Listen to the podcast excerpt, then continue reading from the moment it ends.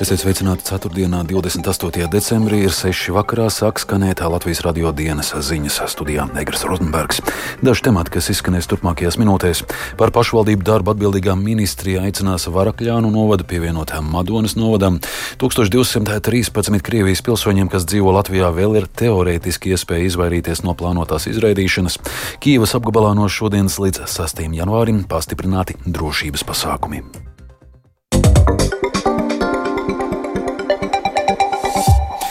Ar Garkalnes sadalīšanu novadu reformas kļūdu labošana nebeigsies. Par pašvaldību darbu atbildīgām ministriem nākamā gada sākumā saimā iesniegs ieceri Varakļānu novadu līdz ar pašvaldību vēlēšanām 2025. gadā pievienot Madonas novadam.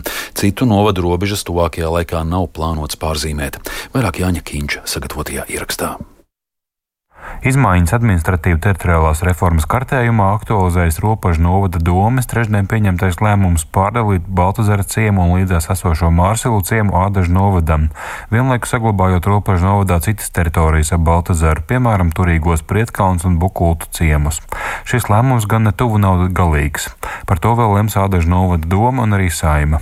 Taču šīs tuvākajā laikā nebūs vienīgās izmaiņas novada kartē. Tās skars arī pašlaik citam novadam nepievienoto Varakļānu novadu. Novada reformā sākotnēji Varakļāns piedāvāja iekļaut Madonas novadā, ar ko tie bijuši saistīti jau gadiem ilgi, taču 13.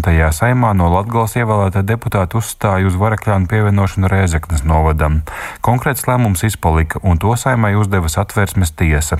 Un jau nākamā gada sākumā atbilstoši novada iedzīvotāju vairākuma viedoklim pēc pašvaldību ministrijas ierosinājums saimā gatavos lēmumu projektu par varakļānu pievienošanu Madonas novadam.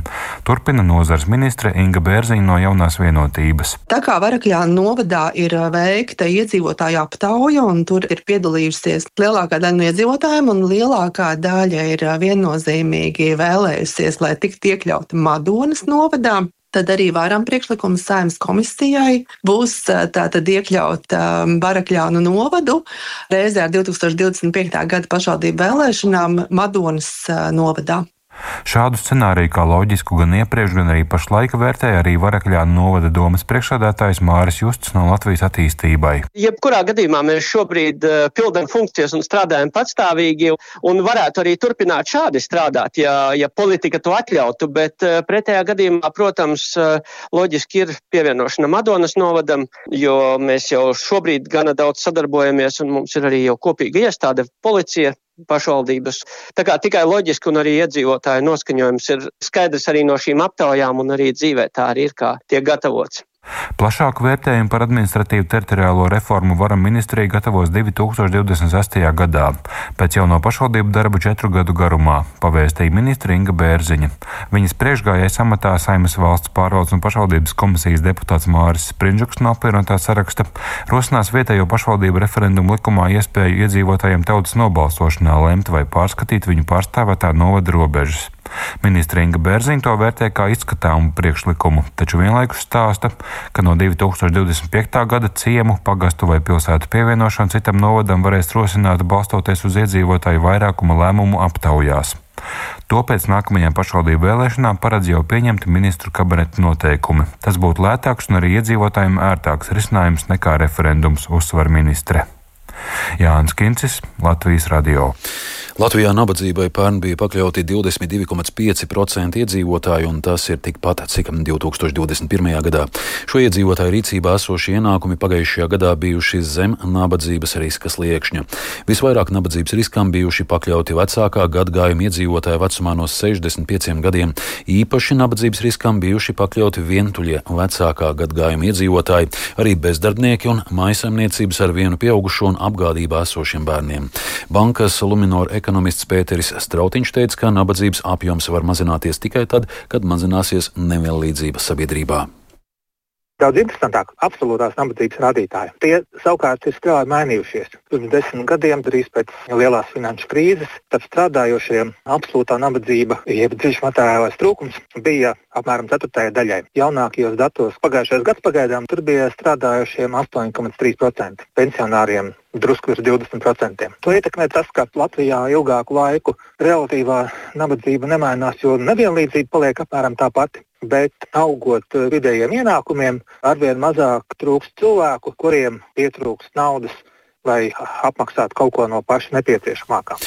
Nākamā gada sākumā no Latvijas plāno izraidīt vairāk nekā 1200 Krievijas pilsoņus, kuri nav izpildījuši imigrācijas likuma prasības un iesnieguši dokumentus, lai pieprasītu uzturēšanās atļauju. Tā norāda Pilsonības un migrācijas lietu pārvaldē.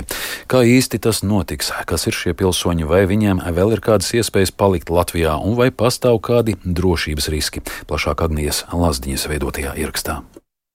Gadījumā, ja pārbauda nav nokārtot sekmīgi, šiem cilvēkiem ir nepieciešams līdz gada beigām pieteikties atļaujai, kas Latvijā ļaut uzturēties divus gadus, lai netiktu pārtraukta sociālo un veselības aprūpes pakalpojumu sniegšana un turpmākā uzturēšanās Latvijā nekļūtu nelikumīga. Taču tie Krievijas pilsoņi, kuriem ir attaisnojoši iemesli nekārtot latviešu valodas pārbaudi, var iesniegt dokumentus uzturēšanās atļaujai līdz nākamā gada marta beigām. Atļauja uzturēties Latvijā tiks piešķirta uz diviem gadiem, kā norāda pilsonības un migrācijas lietu pārvaldes pārstāve Madara Puķa, šiem 1213 Krievijas pilsoņiem vēl savā ziņā pastāvot iespēja, kā palikt Latvijā. Būs jāsniedz rakstisks paskaidrojums par neizbraukšanas iemesliem un par iespējamo izbraukšanas laiku. Pārvalde sagatavos izbraukšanas rīkojumus, kas paredzēs, ka 30 dienu laikā valsts ir jāatstāj.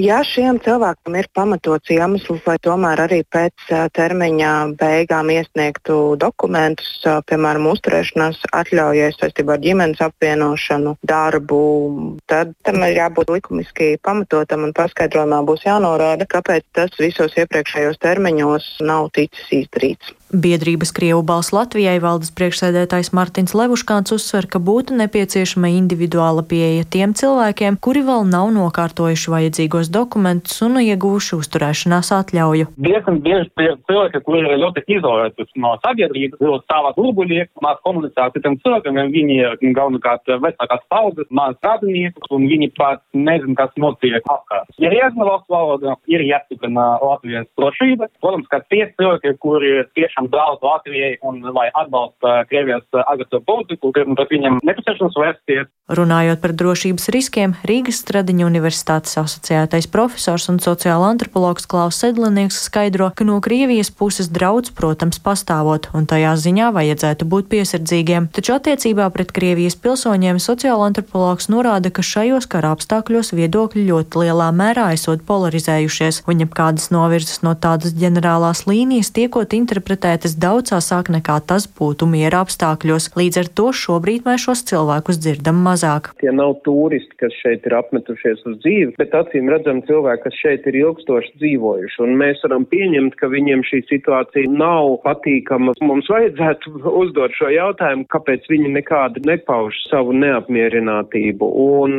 acīm redzami tas norāda uz arī vārda brīvības atmosfēru pašreizējos apstākļos. Droši vien, ka cilvēkiem ir uh, bail paust šo savu neapmierinātību, bailēs par to, ka viņi varētu vēl vairāk pasliktināt savus apstākļus. Viņa prāta versija, ka šie Krievijas pilsoņi beidzot esot integrēti Latvijas sabiedrībā un viņi saprotot, ka viņiem būtu jārunā latviski, esot gan maz ticama. Agnija Lazdiņa, Latvijas radio.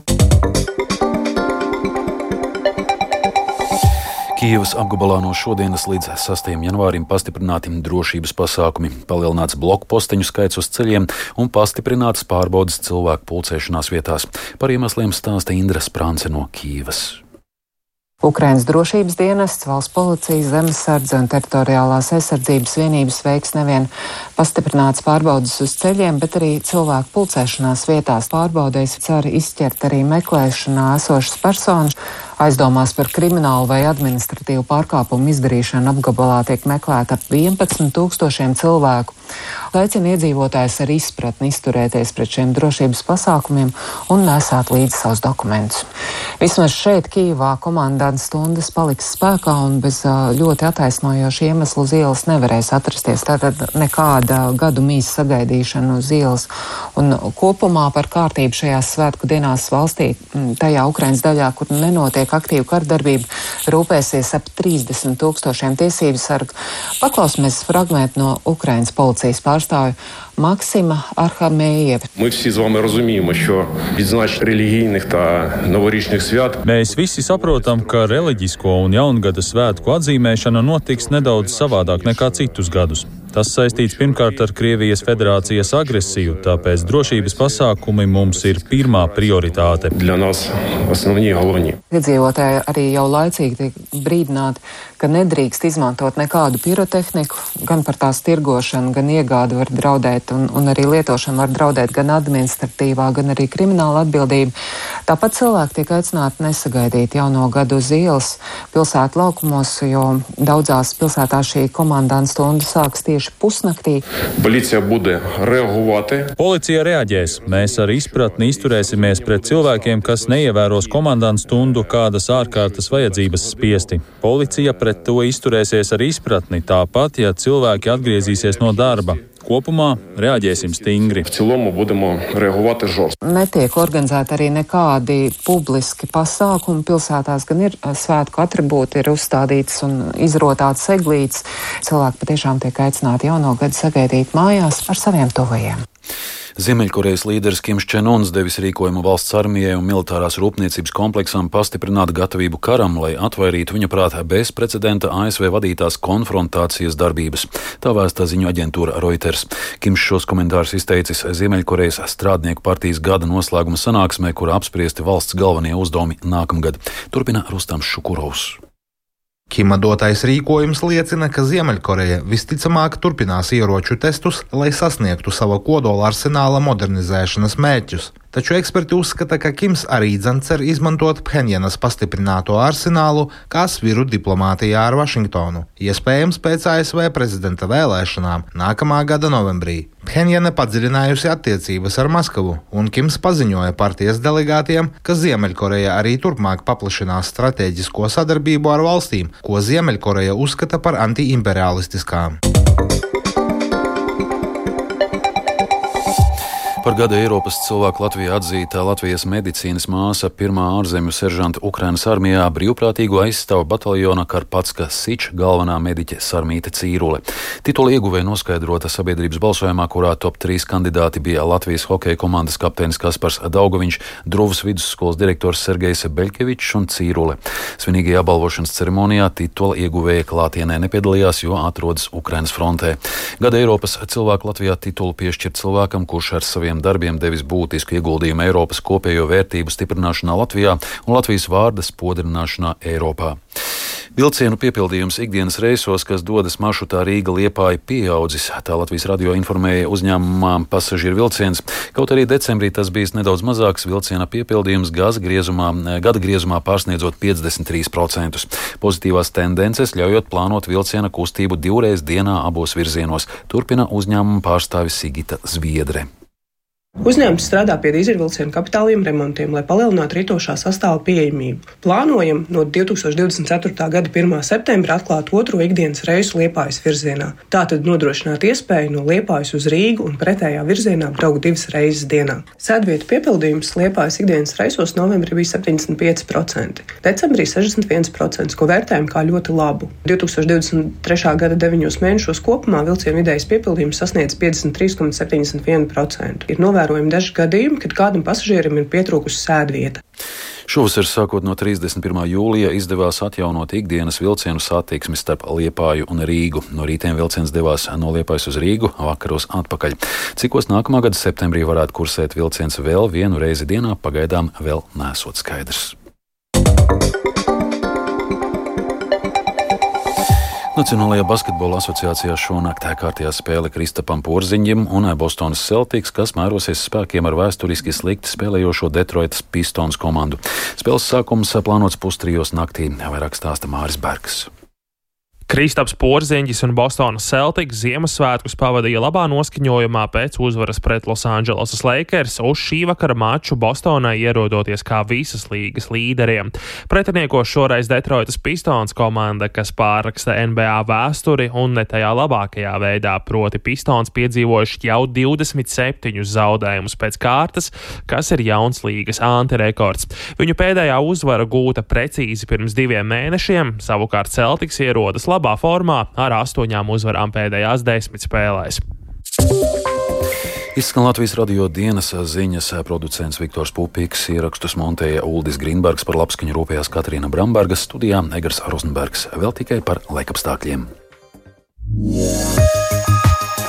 Galvaspilsētas centrā 1 grāds virs nulles, lēns dienvidu vējš, atmosfēras spiediens 756 mm, relatīvais gaisa mitrums 94%. Kāds laiks gaidāms turpmāk, prognozē Toms Brīsis. Piektdien visā Latvijā valdīs atpūsnis, laiks būs lietains un vējains, temperatūra sasniegs plus 3, plus 7 grādus un sniegs strauji kusīs. Sestdien temperatūra būs nedaudz zemāka, gan naktī, gan dienā 0,5 grādu robežās, un lietu vietām nomainīs arī slapjš sniegs, bet gadumijā pakāpeniski atgriezīsies saules. Vecgada vakarā un jaungada naktī piesals pārsvarā vidzemē un latgalē, bet jaunā gada pirmajās dienās temperatūra zem nulles noslīdēs arī citviet Latvijā un sniks.